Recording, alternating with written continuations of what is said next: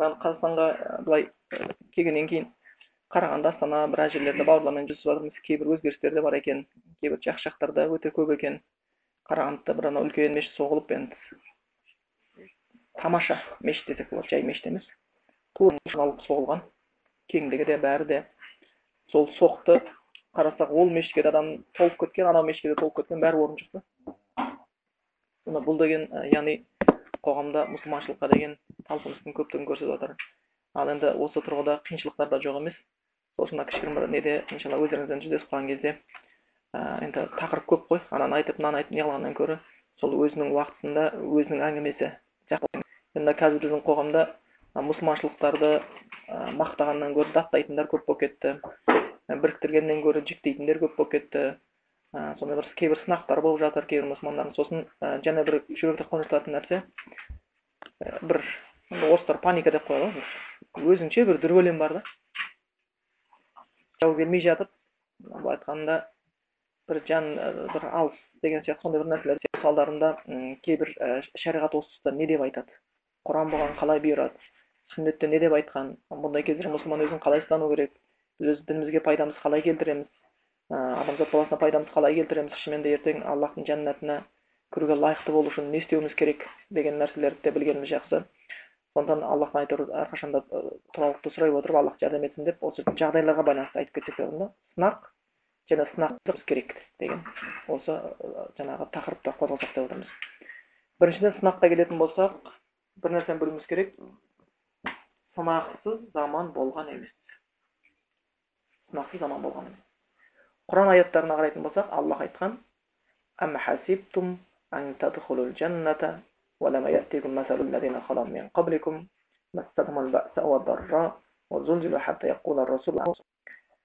сендер ілгергілердің сынағын көрмей жатып өздеріңді жәннатқа дейді яғни жәннатқа кіру үшін сынақ болады деп тұр екен да иман келтіргеннен кейін ол сынақ болады сендерден ілгергілерге қиыншылықтар болған сол үшін зардап көрді. Кейбір жерде соғысқа дейін ұласты діннің арпалысы. Қатты зүлзила деген енді қазақша аударсақ сілкініс қой. Ал енді анау проблеманы зилзала деп айтып суреттеген кезде уже шешім алынды. Сонда біз мұсылман әулеті құдай деп жүрген жандар еш жерден қолдау таппай елдің бәрі бізді табалап сондай бетімізден табалап арқамыздан сабалап осылай жүре береміз бе біттік па сонда? Деген былай кім осыған шешім тауып береді деп барған кезде нақты тұрақты жауап беретін адам таппай қалған дәрежеге дейін салған дейді да. Сондай мұса пайғамбар алдынан теңіз шықты болды. Мына жақта ферғауын келе жатыр. Кім біліпті теңіз қақ айырылатынын? Ешкім білген жоқ. Сөйтсе аллах сынап жатыр екен да. Өткізіп жіберді ферғауынды қырып әскермен бірге. Бірақ соның соңына ерген қауым біз құрдық ау құрдық ау құрдық ау деген сөзге дейін барып қалды бірақ мұса пайғамбардың айтқан сөзі алла менімен бірге ол әрқашан маған жол құдайға деген несін иманың бір мүлтік бұзған емес сол үшін аллах осы сынақ береді құдай тұрғыда ойың жай ғана әшейін жағдайың осы дін ислам жөніндегі жағдайың жақсы болса екен қалмаса екен әйтеуір көлігім жолда аударылып қалмаса екен өйтіп қалмасаң тек дүниенің ғана жақсылығымен шектеліп құдайға құл болу емес құдайдың өзіңе өзіңе құл қылып алу үшін істеп жүрген құлшылық па сенікі соны анықтау үшін осы сынақтар болады екен. Сол үшін хатта дейді сондай бір теңселіп кетті дейді да сондайға дейін сыналды дейді да. Не деп айтты дейді? Пайғамбар мен оған ергендері жәрдемі қашан? Аллахтың жәрдемі қашан деген сөз ауыздарынан шығып кетті да. Қалай болады енді деген сөз шықты сонда аллах тағала аят не деп инна насраллахи қариб біліңдер құдайдың жәрдемі жақын дейді сол үшін сынақ болып жатыр деген сөз жақсылық келе жатыр деген сөзді білдіреді екен да керегесін керіп уығын мықтап байлап шаңырағын көтеретін кім болса сол емес сынақтан өткен мұсылмандар ғана екен сынап сынап алады екен да содан електен өткендерімен құдай тағала дінді көркейтеді екен әйтпесе жай адам ертең бір уықты босбайлап кететін болатын болса ойбай ислам жасады деген не бар ертең шаңырақ сол тура дастарханның үстіне құлап жатқан болатын сол үшін осы тұрғыда бұл мұсылманға бір жаңағы иманның шынайылығын анықтау үшін керек болды сол үшін құранда аллах айтып отыр сендер ілгергілердің сынағын көрмейінше жәннатқа кіреміз деп ойлап жүрсіңдер ма? деп айтып жатыр бұл құран яғни сынақ болады. Осы сияқты аяттар құранда өте көп. Жаңа бір аятта айтып береді.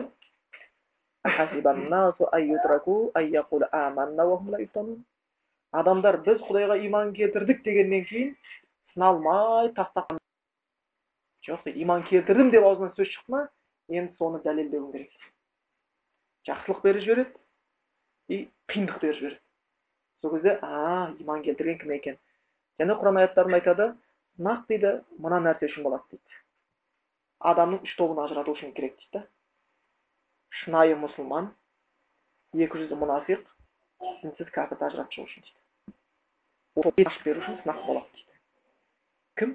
Осы күйінде нағыз былай айтқанда жағдай жақсы болса да жаман болса да сол құдайынан діннен қалмай қолынан келгенше әрекеттеп жүретін осыны анықтау үшін болады екен. Енді сол үшін бұл енді сынақ болған кезде ол тек қана жамандықтан тұрмайды. Түбі жеңіс. Өйткені біз құранға иман келтірген қауымбыз. Аллахтың уәдесі хақ дейді. Ал құранда аллах не дейді? Деп айтқан.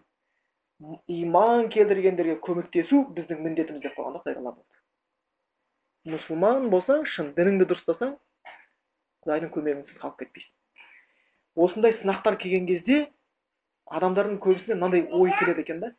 Діннен қашқақтай тұрайын. Өйткені проблема дінге келіп жатыр. Мені қазір діндар дейді да мен де осы проблемаға қалып жүреді деп осындай дейді керісінше аллах сонда алып қаламын дейді. Және бір нәрсені білуіміз керек. Еш уақытта кіргеннен кейін жынның шайтаны бар адамның шайтаны бар. Былай айтқанда кәпірлер саған риза болып қалып кететін жер жоқ. Құранда оған байланысты көп аяттар екен. Бір аятында келеді.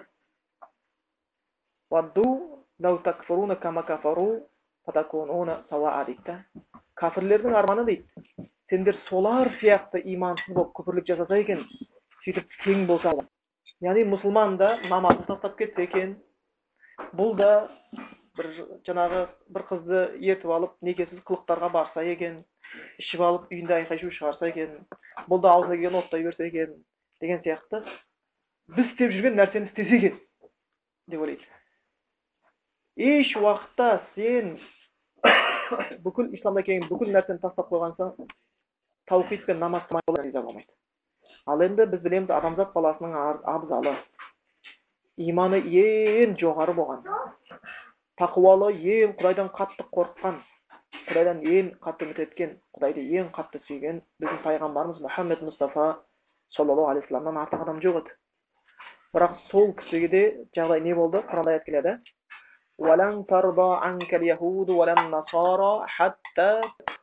Еш уақытта яхудилер мен христиандар саған риза болмайды. Неге? Олардың дініне ермейінше дейді деген жол дін деген мағына береді. Енді қызық қараңыз осы аятты қарасаң көп мұсылмандар біледі. Осы бұл аяттың бастамасы ғана не? Бұл аят біткен жоқ. Бұл аят бірнеше бөлімнен өзі бір ақ аят бірақ бірнеше мағына қамтитын еді. Көп адамдардың осыны айтамыз да шектелеміз. Пайғамбарға саған еш уақытта яхуди мен христиан риза болмайды олардың дініне ермейінше олардың дініне ермейінше риза болмайды деген олар бізге қайдан риза болсын деп қоя саламыз. Бірақ аяттың жалғасында құдай не дейді? Аллах айтады да аяттың жалғасында. Егер сен олардың былай айтқанда нәпсі қалауларына еретін болсаң дейді. Көңіл соққан нәрселеріне. Басында дін деп айтты. Өзі көңілі құдай қалағандай құлшылық етіп жатқан жоқ. Көңілдері қалағандай құлшылық етіп жатыр сондықтан олардың дінін нәпсі діні дейді да. Нәпсілеріне ергендігіне еретін болсаң дейді. Аллах айтып жатыр олар риза болмай жатыр. Біз кей кезде ойлап қалсақ қайтсем осы адамдар мені жамандағанын қояды. Қайтсем осы мені уахабист деп айтпайды екен. Қайтсем мен бұлай осы менің бұл елге жаны ашитынымды сезем бір не жаңағы осы еліме жұртыма деген махаббатымды оларға көрсетсем екен деп қанша талпынсаң да сен оларға жақсы бола алмайсың. Неге? Өйткені жаңағы олардың жолын еріп кетпейінше. Сонда қараңыз аяттың жалғасын айтып жатыр аллах тағала айтып жатыр пайғамбарға саған олар еш уақытта риза болмайды олардың дінімен жүрмейінше егер сен олардың нәпсі қалауына еріп кететін болсаң дейді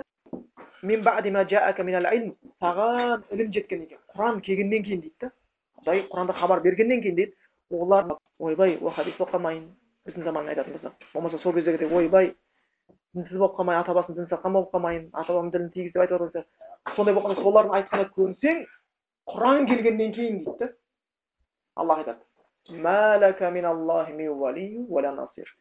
біл дейді саған құдай пана да болмайды құдай саған жәрдемдеспейді дейді біз егер осы сынақта дінсіздердің көксеген жәрдем біз дінді ұстанғанымыз үшін болып жатыр дінді ұстанғанымыз үшін болып сол үшін бір шегініп олардың көксегеніне қарай шегіне қоямыз десек онда біз үлкен иә адамдардың өсегінен құтылатын шығармыз бірақ құдайдың жәрдемінен ажыраймыз таңдау керек. Ал адам пайғамбарға риза болмаған адамды риза қыламын деп ойлаған адам еш уақытта бітпейтін шаруаны бастаған адам да. Сенің шаруаң былай айтқанда аллахты риза қылу сонда құдайды танитын адамдар шынымен де саған өзі риза болады екен. Бұл құран аятында пайғамбарымызға байланысты жаңа айтып жатқан ол барша біз мұсылман қауымына да жаңа қатысты болған. Енді осы жерде сіздерге мына бәріміз білеміз осыны просто қайталау ғой. Кей кезде есімізден шығып кетеді адам қайта қайта айтылса ескертіп отырыңдар ескерту иман келтіргендерге пайда береді. Біздің пайғамбарымыз мұхаммед мұстафа саллаллаху алейhi қырық жасында пайғамбар болды. Дұрыс па? Қазіргі уақытта мынандай нәрсені білеміз. Бір адам ислам дінін қабылдады бірақ ол ислам дініне дейін ол адамда кемшілік кеткен болуы мүмкін. Көп адамда солай. Мүмкін ол ислам дінінен арақ ішкен адам шығар. Мүмкін ол ислам дініне дейін некесіз бөтен қыздың белін ұстап қойған адам шығар. Мүмкін айтқан кезде баласына дұрыс тәрбие бермеген адам шығар. Мүмкін ол ислам дініне дейін біреудің дүниесін тонаған адам шығар. Мүмкін ол ислам дініне дейін біреудің тұмсығын бұзған адам шығар. Мүмкін ол ислам дініне дейін аузы толған боқтау сөз болған адам шығар. Бірақ та ислам дініне келеді да ол жөнделеді. Дұрыс па? Ал сіздерге сұрақ. Пайғамбар мұхаммед мұсылым пайғамбарлық келгенге дейін жаман адам болып па еді пайғамбарымыз пайғамбарлық келгенге дейін пайғамбарымызда бөтен ұнамайтын қылықтың біреусі болған жоқ. Өтірік еш уақытта айтқан емес. Арағыңды еш уақытта ішкен емес. Жиырма бес жасында үйленген болса да ал білесіздер ғой еркек адам қалай тез жетілетінін он үште отау деп біз айтамыз. Ал арабтың желінде өте тез жетіледі да пайғамбар ерекше. Олар дене қуаты бөлек болады да.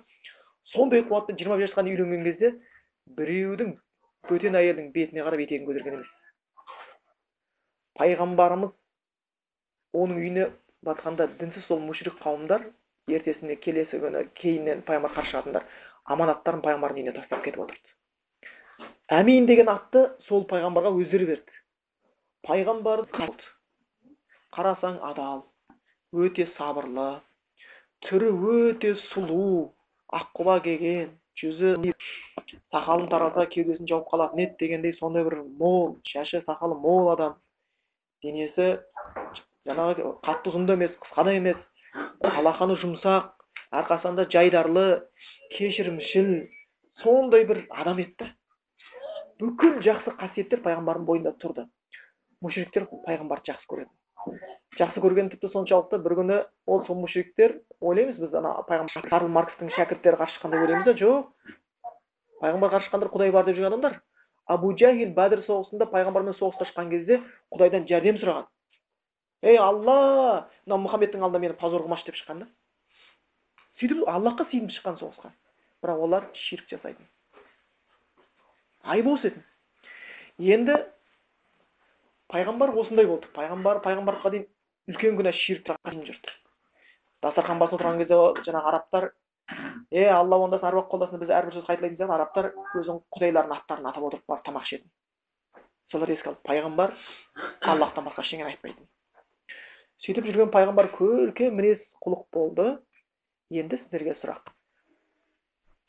Жаңа айтады қағбаны құрып жатқан кезде қара тасты кім қояды? дегенде арабтар таласты. Қай ру қояды деген кезде. Кезде олар айтты қазір қағбаға кім кіріп келсе бірінші сол адам не айтса сол болсын деді бәрі келісті кезде пайғамбар кіріп келген кезде бүкіл ру қуанып кетті да. Болды болды өйткені пайғамбарымыздың адалдығын біледі да. Туғаным деп тура сөзден тайып кетпейтін адам еді да. Өзінің руына бірдеңесін бұрып жіберіп анау мына деген ода бір бәр адамға тең бағасын беретін кісі еді да. Сөйтіп тұрған кезде бәрі қуанып келген кезде пайғамбар қарап тұрды да және өте даналы ғой а деді кім қояды деді. Сосын шапанын шешіп қойды да қара тасты шапан үстіне қойды да бүкіл ру шапанын шетінен ұстасын бүкіл ру келіп шапанын шетінен ұстап келді пайғамбар өз қолымен қоя салды да бүкіл ру қағбаға қара тас қойған болып шыға келді. Ертең дау тумайтындай содан риза болып жүрген кезде қырық жасында пайғамбарымызға пайғамбар келді. Қырық жасында келді де елге бір ақ ауыз сөз айтып еді. Өте жек көріп кетті. Не сөз айтты сонда? Жоқ. Ол бір аллаға сену керек ля иляха иллаллах деген сөз айтты. Сол үшін мұсылмандарға айтатын сол ғой. Сен ля иляха иллаллах деген сөзді пайғамбар айтты. Ля илахтың мағынасын білу намаздан да маңызды. Оразаңнан да маңызды. Қажылығыңнан да маңызды. Сен отырып алып қажылыққа елдің бәрі барып мен барман деп армандайсың сен бұл өте маңызды. Пайғамбарымыз қажылықтан бастаған жоқ. Пайғамбарымыз намаздан бастаған жоқ. Пайғамбар оразадан бастаған жоқ ля иляха иллаллах деген сөзден бастады енді және бір сұрақ пайғамбар пайғамбар болғаннан кейін мінезі нашар болып кетті ма не жүгіріп ей неге сен менің айтқанымды тыңдамайсың біреудің тұмсығын бұзды ма жоқ біреудің бетіне түкірді ма жүріп бара біреу шалып құлатты ма болмаса әйелін келіп шашынан сүйреді ма дәу мен айтқанымды істе істемейсің деген пайғамбар пайғамбарлық келгеннен кейін мінезі өзгеріп кетті ма яғни пайғамбарымыздың пайғамбарлыққа деген көркем мінезі пайғамбарлықтан кейін де сол көркем мінез тұр да ондай болатын болса оның қауымының арасындағы пайғамбарға деген жек көрініштіктен не себептер болды? Ля иляха иллалла енді өздеріңіз ойлаңыздаршы жай демократия деген қазір шықты ғой әркім өз правосы болады деген сияқты. Жоқ та бірақ сол демократия. Мен өз бетінше құдайға құлшылық қылайын десем саған рұқсат етпейді да сен өз бетінше орамал тағып жүрейін десе бір қыз бала оған демократия жоқ та. Сен өз бетіңе мынаның егесі біреу да қоя ма қойма ол айтып берді саған айтқанда сөйтіп жүрген пайғамбар мұхаммад бір сөз айтып еді бәрі қарсы шықты пайғамбарға қандай сөздер айтылды пайғамбар қандай қиындықтар көрді осы бір ауыз сөз үшін құран айтады الذين أخرجوا من ديارهم إلا أن يقولوا ربنا الله олар өздерінің туған отандарына раббым алла деп айтқандары үшін ғана дейді да бар айыбы сол екен бауырлар мынау неше түрлі кемшіліктер де болып жатыр көріп жатырмыз жарылыс басқа бірақ кінәлі болып тұрған біздің сақалымыз емес оны естен шығармаңыздар кінәлі болып тұрған біздің орамалымыз емес әйелдердің басында кінәлі болып тұрған сіздің бес уақыт намазыңызды мешітте оқығаныңыз болып жатқан жоқ адамның шайтаны бар жын шайтаны бар өйткені сен бір ғана аллах тағалаға сүйіну керек деген сөзді айттың пайғамбар сол сөзді айтты да сынақ басталды пайғамбардың мінезі көркем еді жарайды біздің мінезіміз нашар. Бірақ пайғамбар мінезі көркем ғой. Ешкімнің басын жарған жоқ ешкімді боқтаған жоқ. Ал сонда пайғамбарға сынақ басталды. Ал енді біздің мінезіміз әйтеуір жамап үйтіп бүйтіп мына жағын бүтіндесек мына жаққа былқ ете қалатын мына жағымыз сылқ ете қалатын тауқит айтқан кезде бізге не болмауы мүмкін? Сонда біз тып тыныш ойбай көке жәке дәке керемет төрге шық деп ой қоя ма шайтан деген жетпіс жыл егінім былай айтқанда өртеп жібердім ғой. жетпіс шайтан жинаған сабанын өртеп жатырмыз емес ол қарап қала ма сондан осы күйде бұл сынақ міндетті түрде болатындығы айтылған. Сосын енді пайғамбар әлі күнге дейін оқысаң жүрегің ауырады субханалла. Е намазалаған біз пайғамбарымызды өзіміздің туған әкемізден туған шешемізден бауыр еті баламыздан қойнымыздағы әйелімізден бір қарын ашқан ағайындардан артық жақсы көрмейінше иманды көре алмаймыз. Өйткені пайғамбарымыз соған лайықты да сондай махаббатқа сөйткен тоқтамаса ешкімді ұрмаса бар айтқан сөз лә иляха иллаллах деген пайғамбарымызға не болды? Ойлаңыздаршы. Біз ойбай мені уахабист деп қойды мені террорист деп қойды анау деп қойды ренжігіміз келеді. Пайғамбарға не болды? Субханалла сөйткен пайғамбарға келеді бір мүшрик елдің көзінше бетіне түкіріп кетеді да субханалла ей бір аллаға сыйын деген кезде бетіне түкіріп жіберді да жол боқтады ма? Жоқ оны бетіне түкіретіндей не істеді пайғамбар?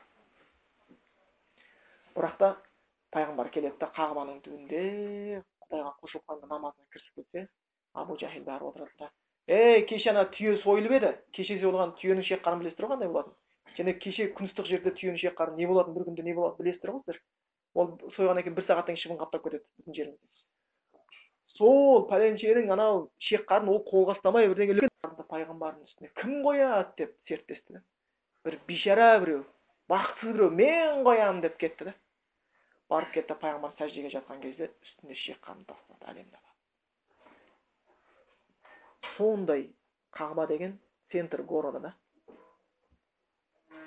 Бүкіл елдің алдында кеше ғана әмин деген адам сондай адамсың намаздың үстінде құдайына сәжде қылып оның үстіне түйенің шек қарын қойған кезде пайғамбарымыз сол жатқан күйде сәждеден басын көтермей жатып қалды.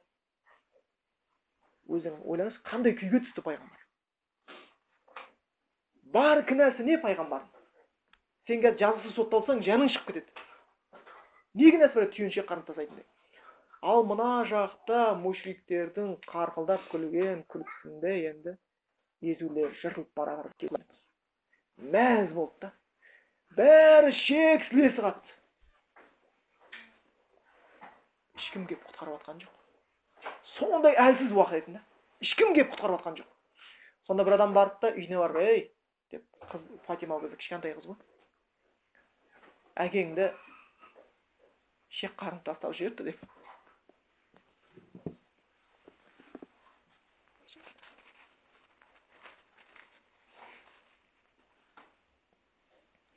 әкеңді үстіне шек қарын тастап адамдар мазақ қылып күліп жатыр деді. Қызы фатима жап жас. Жүгірді. Барса әкесі жатыр сәжеде тұруға шек қарын әлемді алып кеткен. Тазалап жатыр аналарға ұрысып жатыр кішкентай не бұл оңбағандар а тазалап болған әкесіне біз не істеп қойдық әкесін құшақтап жатыр қызы жылап жатыр пайғамбар уайымға түсті сөйтті де айтты аттарын атап пәленше пәленше пәленше пәленше аллахтан лағнет болатынын айтты кейін сол ат аталғандардың бәрі өлді да бәрі өліп қалды пайғамбар мұхаммед мұстафа саллаллаху бір күні және де сол қағбаның түбінде бір оңбаған мүшрик келіп оқба ибн аби муайт деген үстіндегі киімін шешіп алады да. Енді намазда отырған адам бейғам отырады ғой бос. Шиыршықтап келіп мойнына салады да керіп тұрып қылқындыра бастайды да. Пайғамбар егер қарғып тұрып ұрамын десе күш жететін еді. Пайғамбар қатты уайымдады. Ей мына халыққа не болды? Мен бұлардың баласын өлтірген жоқпын. Мен бұлардың қыздарын зорлаған жоқпын. Мен бұларға жамандық тілеп бұларға аллах тағаладан жәннатқа баратын жолды түсіретін кітапты жеткізіп жатсам бұлар не болды деген ойымда болды пайғамбарды қылқындырып жатқан кезде абу бәкір сыдық жүгіріп келіп онан қылқынған алыса кетті. Абу бәкір айтты да ей бастарыңа қасірет орнаған қауым ай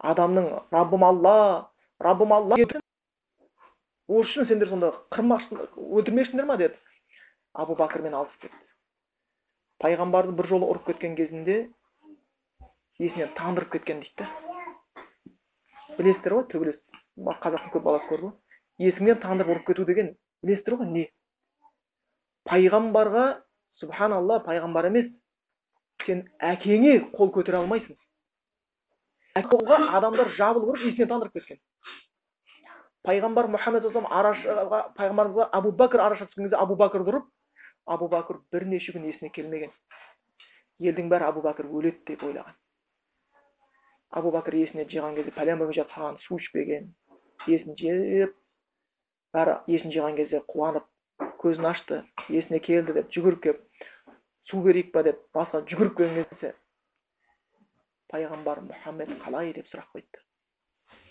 жақсы қалайсың жоқ пайғамбар мұхаммед қалай? депті су ішесің ба? Жоқ пайғамбар мұхаммед қалай? деп айтты да жақсы ол анау мынау жоқ барып көріп келіңдерші оны адамдар ұрған еді біліп келіңдерші жағдайын өлім халінде жатыр су ішпей жатыр су ішпей жатыр да біліп келіңдер деді. Мен абу бәкір мінезін білетін кісілер адам жіберді да пайғамбардың жағдайы жақсы екен деді. Альхамдулилля судан беріңдерші деді. Пайғамбардың қасында сондай кісілер болған үшін бұл дін тарады.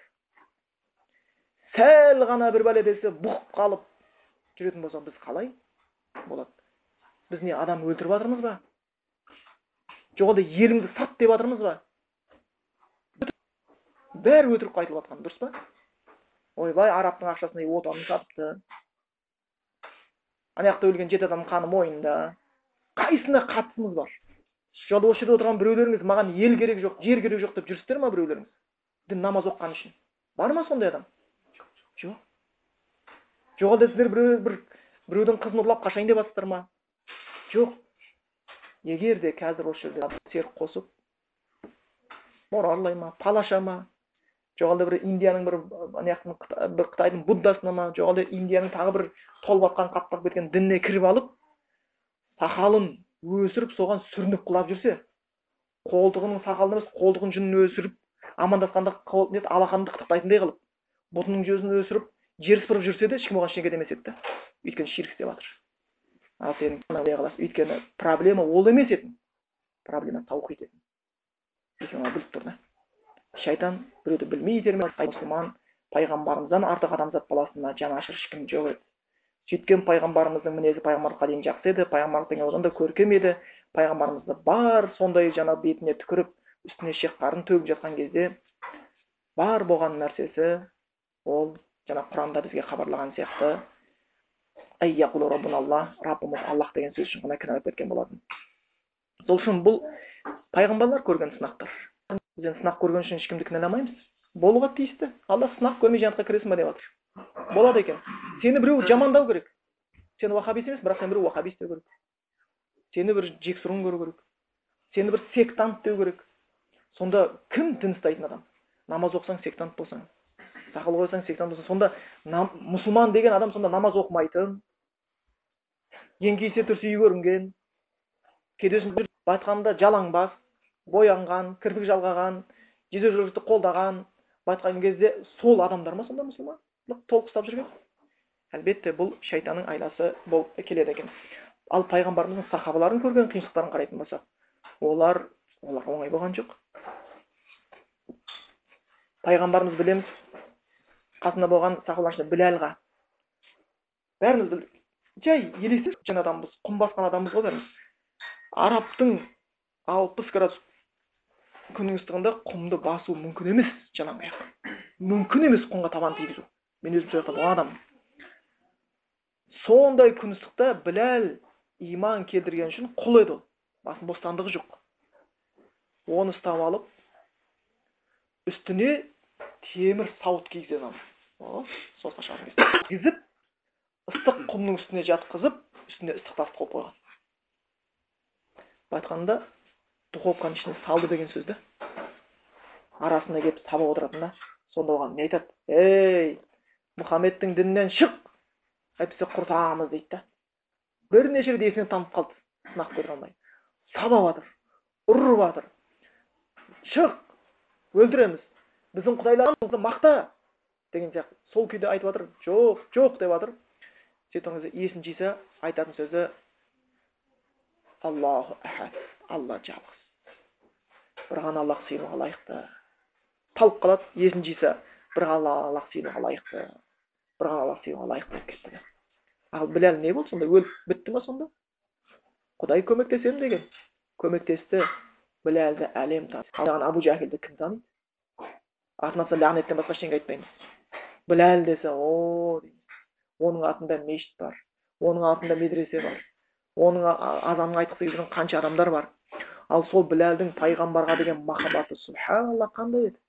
Пайғамбарымыз біләл меккеде болды кейін мединаға көшті. Мединада азаншы болды. Пайғамбардың екі азаншысы бар соның біреуісі еді азан айтатын әрқашан пайғамбар өзі таңдаған дауысы өте зор еді. Мединада сол ауыртпашылықты көтере алмай шыдай алмай мединадан көшіп кетеді басқа қалаға көшіп кетіп қалады пайғамбар жүрген мешітті көріп қалады.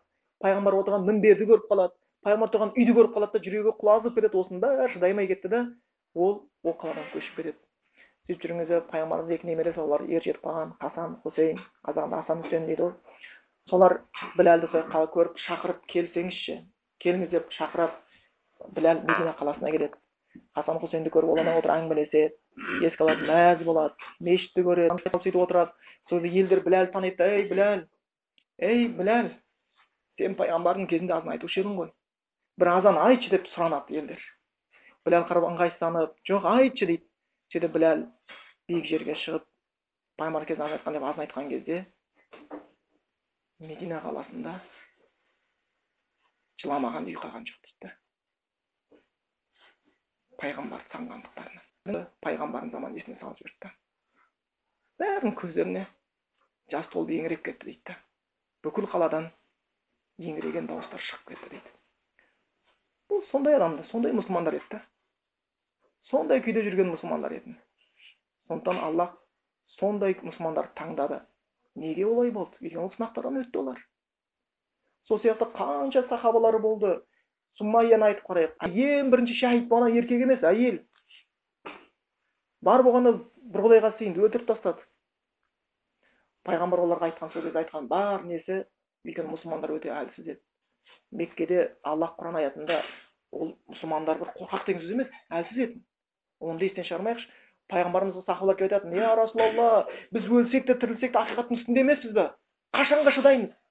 Бүйтіп қор болғанша берген бергіміз келмейді дегенде пайғамбар жоқ сендер сендерден бұрын қауымдар болған оларды иман келтірген үшін жерге көміп қойып төбелерінен араны қойып екіге бөлген кезде алла алла деп өлген еді солар сондайлар болған деді. Жәннат қиыншылықпен қосылған деді. Құран аяттар келді олар қолдарыңды көтеруші болмаңдар. Сабыр қылыңдар. Сабыр қылыңдар. Сабыр қылыңдар деп айтты. Енді мынандай сынақ келген кезде өзімізше айла қылып діндар болып көрінбесем аман қалам деп ойласақ аман қалмаймыз. Бәлеге сонда ұрынамыз біз қылмыскер емеспіз бауырлар. Біз шынымен де адам балаларын мына жақтағы жағдай жақсы болса екен? дейміз. Және тозақтан құтылса жәннатқа кірсе екен дейміз. Бұл ұлы ниет ол ұялатын ниет бізге бір пәленшенің арабтың саясаты керек емес басқа керек емес билік керек емес бақ керек емес. Просто адамдар дін түсінсе екен. Өзіміз де соны бірінші орында түсінуге тиісті екенбіз. Міне сол пайғамбарымыздың енді біз пайғамбарымыз сондай сынақ көрді пайғамбар жаман болған үшін сол сынақты көрді ма? Жоқ сахабалар жаман болған үшін сол сынақты көрді ма?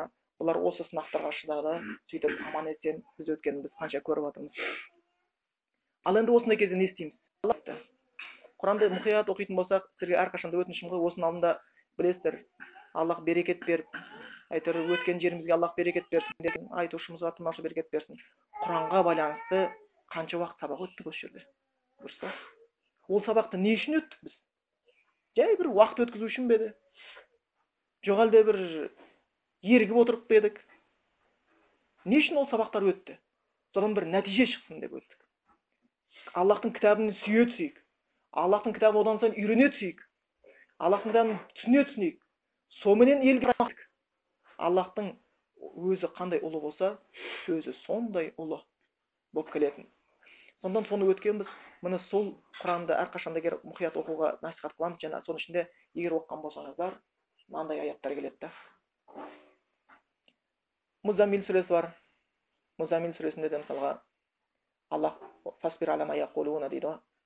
Олардың айтқандарына сабыр қыл деп пайғамбарды үгіттейді және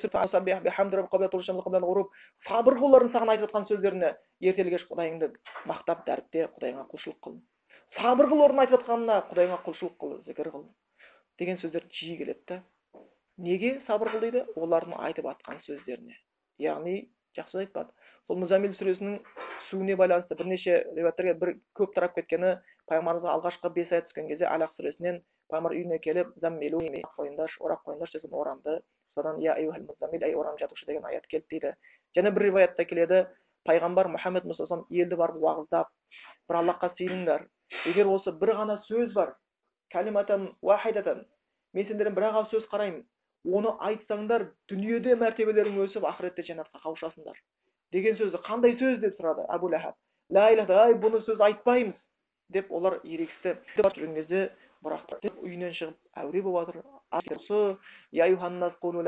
сонда құтыласыңдар сонда бізге жетесіңдер деп айтып жүрді. Сол кезде мүшриктер дейді жиналып алды да әй мынаның соңынан адамдар көбейіп бара жатыр ғой. Сонда көп емес еді. Омар ислам дініне кіргенде қырық адам қырқыншы адам болып кірген да омар кірмей жатып уже шошып төбесі жасап тік тұрған. Ал енді біздің кезімізде мешітімізге сыймай жастар қардың үстінде жалаң аяқ тұрып жайнам курткасын жайнамаз қылып қардыңға шыдап уақыт тауып әкесінен де жаңағы әкесінің сөзіне шыдап оқудағы мұғалімнің сөзіне шыдап кейбір қарама қайшы жаңағы заңдарға шыдап сөйтіп жүрген жастар көрген кезде біреудің іші күймейді деп ойлайсыздар ма? Қырыққа жетпеген адамға жанып кеткен кезде олар солар жиналып келді. Не істейміз мынаны соған адамдар көбейіп барып? Не қыламыз деген кезде мушриктер жиналып алды мынандай жиналыс өткіздік дейді да ә, бұған бір мойны жаман атау табу керек. Соны таратуымыз керек сенетін бір сөз ойлап табуымыз керек бұл мұхаммед туралы ойлап табуымыз керек ел соны естіп бұдан қашатын болсын жоламайтын болсын тыңдамайтын болсын. Өйткені бұны тыңдаған адам кіріп кетіп жатыр. Не деп айтамыз? Соны біреу біз айтайық оны шайыр ақын деп айтайық деді. Ей болмайды ақын деген неге ақын өйткені сөздер ақын қосады. Біз білеміз ғой арабтың не өлең қандай не екенін. Бірақ оны одан жоқ оны сенбей қоюы мүмкін елдер. А онда сахир деп айтайық сиқыршы деп айтайық. Ей өтпейді әудем бұл сөз. Мәжнун деп айтайық жынды алжасқан деп айтайық. Ей қайдан білеймін сене ма сенбей ма? Кәһин деп айтайық бақсы балгер жындармен сөйлесетін деп айтайық. Деген сияқты осындай көптеген сөздерді ойластыра бастады пайғамбар сені шайыр деп жатыр ақын деп жатыр жынды деп жатыр сиқыршы деп жатыр бақсы деп жатыр алжасқан деп жатыр ата бабасының дінін сатқан деп жатыр деп сондай жиналыс қай айтамыз деп жиналыс өткізген кезде пайғамбар қатты уайымдады да көрпесіне оранып жатып алды дейді да көңіл түсіп сөйтіп құлазып сонша шұбандап құлазып жатқан кезде аллах тағала я әйюхал муззаммил ей оранып жатушы деп бірінде де я әйюхал муддассир ей оранып жатушы құм сәңдер тұр мынандай қиындық келді екен деп аузымызды болған өлесей болып кетіп қалу міндет айтқан жоқ сен терроризмді айтпа сен қырам деме сен жоям деме исламның ешбір негізінде ол нәрсе жоқ сен оның өзін бақытты қылатын нәрселерге шақыр. Оның көзін ашып көрсет зайнаның бойында қанша қыздар тұрғанын. Сен оның бойын газетті алып оқыт оларға. Былай айтқанда төрт айдың ішінде тоқсан кішкентай бала нәресе зорланып бір жеті адам өліпті өте бір жүрекке ауыр тиетін нәрсе таразда. Бірақ күніге жетпіс адам өліп жатыр ғой ішіп қырылып бауыздап асылып төбелесіп кетіп жатыр ғой олар обал емес па сонда? Олар обал емес па? Міне сонда кәдімгі үлкен дәрежеде осы құранның сөзіне шығу үшін бұған сабыр қылып бұғып ойбай деп жатыр екен. Ойбай уахабист болып кететін болдым. Ойбай пәленше болып кететін. Біз намаз тастап кеттік. Болатын нәрсе болып қойды болды. Сен айтып көрші. Сен қазір ойбай деп гитараны тартып кетші. Ол мына уахабист маскировка істеп жатыр деп қоя салады мынау уахабист емес деп айтпайды. Мынау маскировка істеп жатыр деп қояды. Келіп барып сен барып енді абайдан бір өлең айтшы. Бір алла жаңағы махаббаттан жаралған адамды сендерсің алланың жанынан тәртіп деген сияқты. Болмаса бұхарын айтшы бір аллаға біріншілік бір аллаға жазбасқа деп. Арабияда мына уахабистерді вообще спецназ қылып тәрбиелейді екен ғой. Халықты құрту үшін өзінің тілінде сөйлетіп қойып мына уахабист деп айтады не істесең де тұрсаң сопақсың отырсаң томпақсың. Өйткені кінәлі сен халқыңды жеп көріп отқан жоқсың. Дәл құдай біледі. Тура мұсылман сияқты ішіп келіп саунада саунаға түсіп келіп арағын ішіп келіп емес дәретін алып жұртым аман болсын деген мұсылманнан артық кім болуы мүмкін? Кім болуы мүмкін? Сонда бұл жерде осы жаңағы пайғамбарымызға сиқыршы өтірікші жынды алжасқан деген әңгіме таратылған сияқты біздің заманда ақиқаттан қашыру үшін табылатын сөздер болады ойлап табылатын. Ел тыңдамау үшін. Жолама ол уахабист білмейді кім елдің уахабист екенін түсінбейді дін екенін жолама үйтпеп бүйте сондықтан осы күйде кетіп жатыр. Бірақ бұл нәрсе бізге қоян жүректікке түсіруге тиіс әлбетте дөрекілік бір шектен шығып бір асыра сілтеушілікке ешкімді үгіттеп жатқан жоқпыз. Хикмет даналық кеңесу сабырлық осыған үгіттеп аллах құранда да айтады осындай сынақтарда.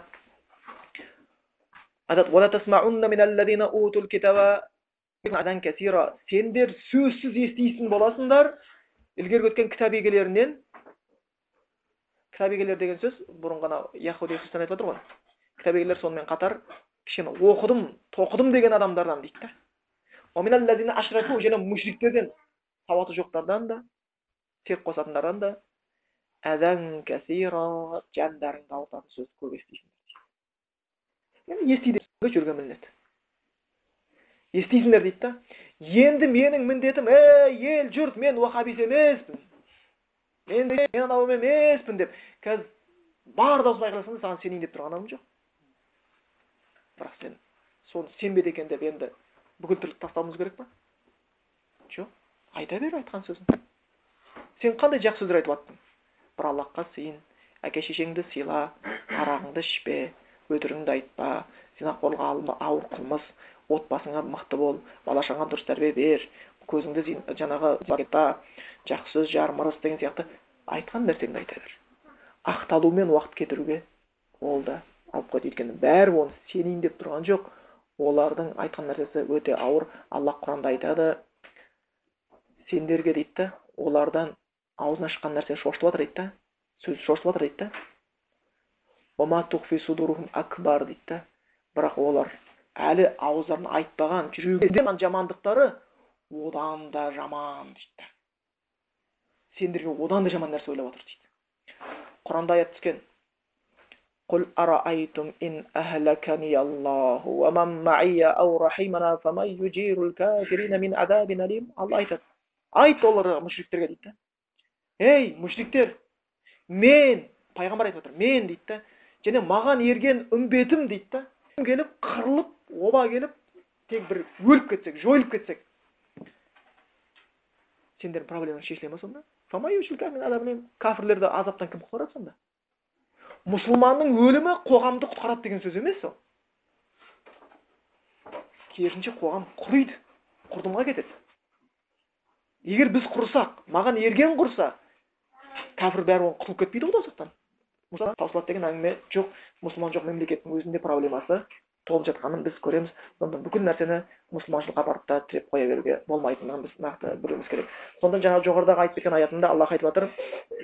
Сендер кітап егелерінен және мушриктерден жануардан сөз көп естисіңдер енді аллах естисің деп қоя салды ма? Жауабын айтып жатыр. Сабыр қылсаңдар сол сөздерге сабыр қылсаңдар шектен шықпасаңдар. Құдайдан қорқу деген не шариғатымен жүріп отырсаң шығып кетпей бұл дұрыс шешім осы дейді дұрыс шешім осы дейді ал енді мұсылманға мына бір нәрсе жараспайды ақидасына біттік бәрімізді подряд қамайды құртады субханалла онда не істейік қырылып қалмасын онда не істейік біздің қорқатын нәрсеміз ол емес біздің қорқатын нәрсеміз шынымен қылмыс қазір алла сақтасын қыздар балағатқа толмай құрып кетіп жатыр. Сондай бір оңбағандар жүр. Небір жауыздар жүр. Сәл шетте қалып кететін болатын болсақ жаңағы қасыр қалған қозы сияқты сылап сипап отырып қыз бала деген аңқау ғой бір минуттың ішінде өмірін быт шығарып балалар да бір ақ рет бір заток деп жаңағы бір рет темекі нашаны тартқызып құртып жіберетін адамдар пайғамбарлар өзінің кезінде деп дұға қылатын да. Пайғамбарымыз алла мені менің бала шағамды мынау оңбағандар істеп жатқан істерінен сақташы деп дұға қылатын біз керісінше олардың ісінен қорқуымыз керек та. Олар біздің істерімізден емес. Сол үшін осы жерде кәдімгідей сабырлықпенен және әрқашанда ә, және бір байқағаным мына мұсылмандар арасында бір бет жоқ үрей ойбай қолын алып сындырып тастапты ананың беті жіберіпті ананы үйтіп жіберіпті. Жә жарайды болған шығар. Бірақ оны не істейік онда не істеу керек сонда өздеріңіз сұрақ қойыңыздаршы тастайық па дінді онда не істейік онда бұқып кетейік па онда не істеуіміз керек онда аллахтан сұрайық не істеуіміз керегімізді дінді тарта береміз жақсы сөз қайтаруға тырысамыз сабыр қылуға тырысамыз дінімізді ұстауға тырысамыз және бөлінуге емес бірігуге тырысамыз ол анаған барып амандасса мен уахабист деп жіберуі мүмкін. Мына мен аулақ жүрейін мына фотоға бір түсіріп алса ертең бәле қаламын біз құдайдың фотосына күніге түсіп жатырмыз күніге түсіп жатырмыз анам бүйтіп жазып жібереді. Ей адам жиырма адам отырса екеуі кембешнек екен ана болса осындай дәрежеде болу керек па сонда сақтық? Осындай дәрежеде үрку болу керек па адам баласында? Сен жазсын мейлі. Не деген сөзін жазады сонда? Бір аллахқа сыйын деген сөзін жазады. Жазсын. Ата анаңды сыйла деген сөзін жазады. Еліңе қызмет қыл деген сөзін жазады. Жарма қырма өлтірме деген сөзін жазады. Жазсын а егер ол үшін қиындық көретін болсақ пайғамбарлардың ішінде біз қиындық көргендерді де жақсы біледі екенбіз. Бұл жаңағы сөзімді тиянақты келіп айтайын дегеніміз енді не істеуіміз керек деген сұраққа келетін болсақ сабырлық дінімізді одан сайын күшейту одан кейін керісінше құлшылықты күшейту. Құлшылықты азайту емес. Мен қазір құлшылығымды күшейтсем кішкене жартылай жахил болып көрінейін. Мынандай қылайын емес. Мұсылман болып жүре бер. Ештеңе жоқ. Шектен шықпа болды шектен шықпа. Біреуге зиян жасама. Біреудің ала жібін аттама ең бастысы. Сен мұсылман болған үшін олардың алдында кінәлі болма аллахтың алдында біз кінәлі болмаймыз. Екінші бір бірінен бет жоқ қашқақтаудан қалыс болу өйткені пайғамбарымыздан жеткен хадисте пайғамбар еш уақытта өтірік айтпайды. Кім мұсылман бауырына жәрдем етсе құдай оған жәрдем етеді деген құдайдан жәрдем керек па онда осыны істейік онда кім бауырының жәрдемінде болса құдай оның жәрдемінде деп аллах құдайдың жіберген құранынан мықтылап берік ұстаңдар деген осы күйде бір бірінен қашып бір бірінен ашып жүретін болсақ онда бұның бәрі біздің мұсылманымызға кір болады екіншіден біттік құрыдық өлдік жойылдық жәрдем жоқ деген мұсылман ақидасы сәйкес келмейді өйткені аллах құранда айтқан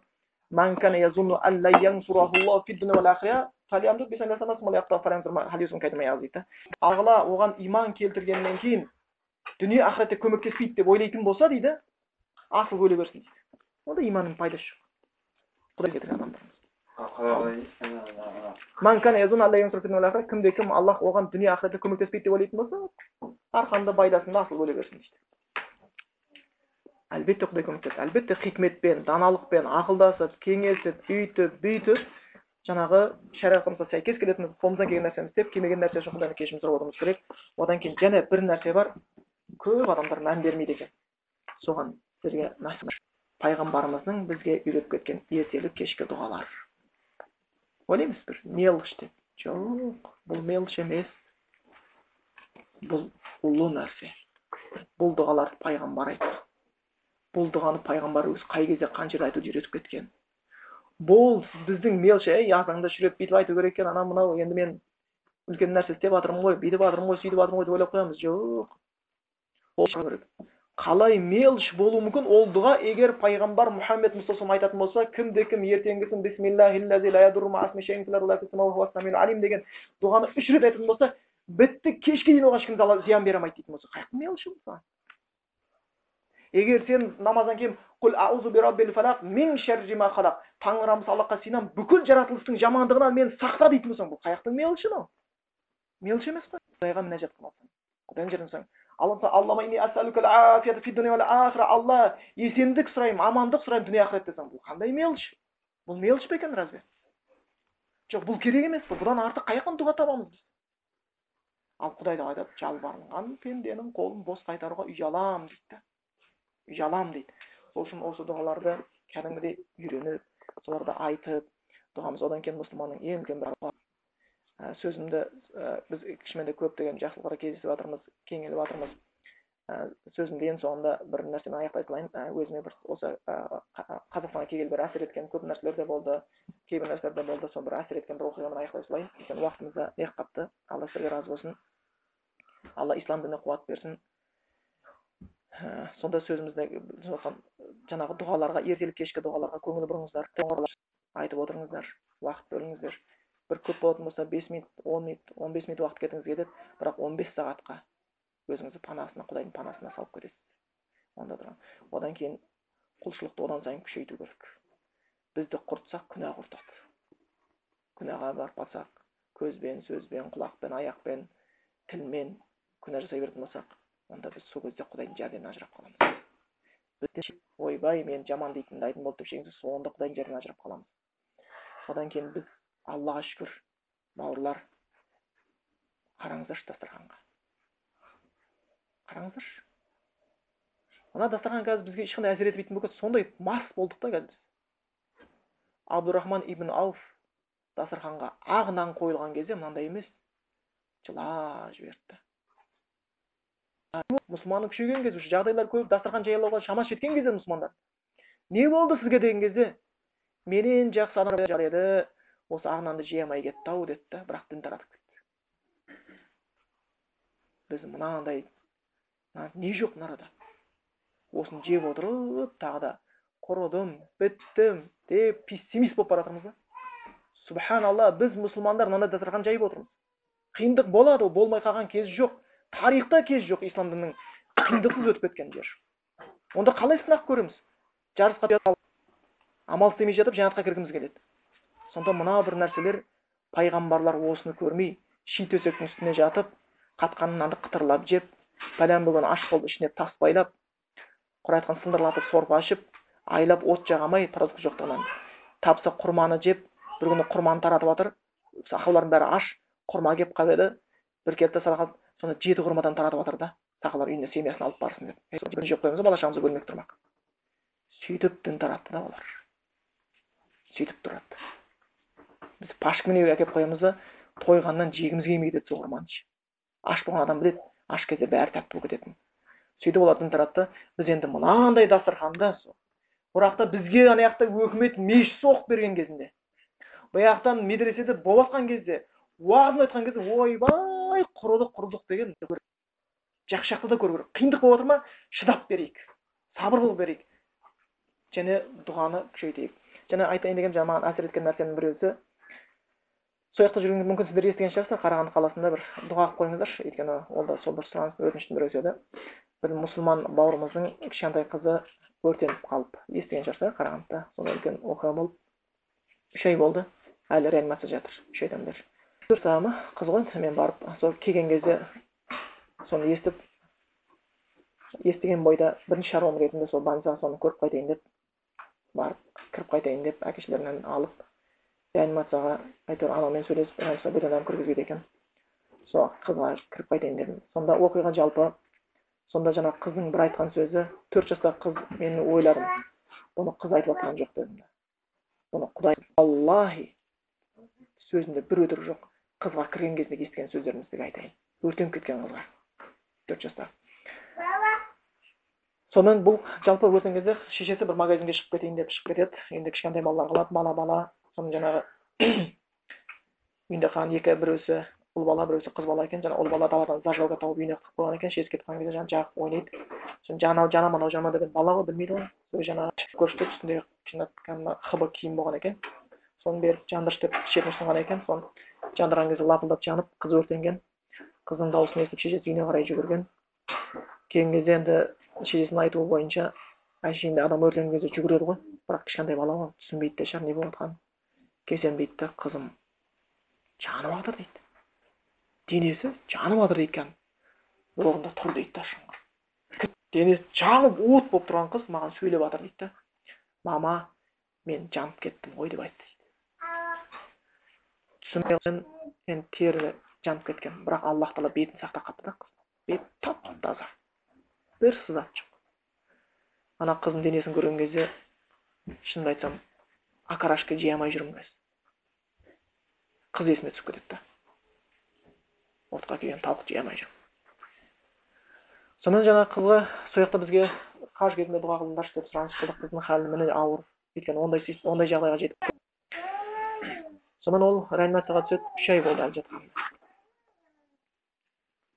үш ай ойлаңыз қазір біз мына комната отырған кезде майкіміз болмаса жаурап жүрген адамдармыз ғой үш ай оның әлі денесіне мата тигізілмейді да ағаштан былай не істеп қойған соның үстінен жабады матаны сосын бардым қолын былай неғып қойған жаңағы денесіне жабысқанмау үшін іліп қойған енді барып не қылсам доктор менен сұрап жатыр да әлі қызды көрген жоқпын енді орыс доктор екен а у вас сердцем все нормально обморок не падает деген яғни біліп тұр да қыз қандай күйде енді шошып кетпейсіз ба қорқып кетпейсіз ба деп сосын кірдім шынымен де қыздың денесін көп мөлшер жанған бірақ бетінің нұры денесінің күйеуінің бәрін ұмыттырып жібереді да тап таза деді. Сөйтіп келіп енді амандасып мен оны сөйлемесем сөйтсем ақылдап тұр сөйлеп тұр. Іші пыса ма тоқтамай сөйлеп жатыр. Яғни денені көрген кезде мен былай айтқанда мұсылман болған екен қатты жақын тұтасың ғой. Бірақ бәрі кісінің баласы бірақ әке шешесі соның денесін күні көріп қандай күйге түсіп жатыр екен дейміз да қазір баламыздың табанына ине кіріп кетсе не болады?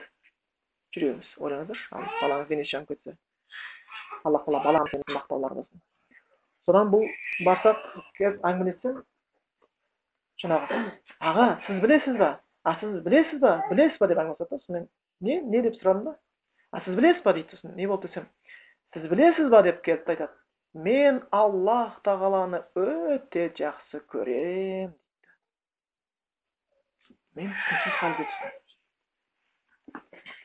келген бездегі денесі кетті аллах жазған. Бейшара біреулер жүр да түшкіріп қалса құдайға не жаздым деп кінәлап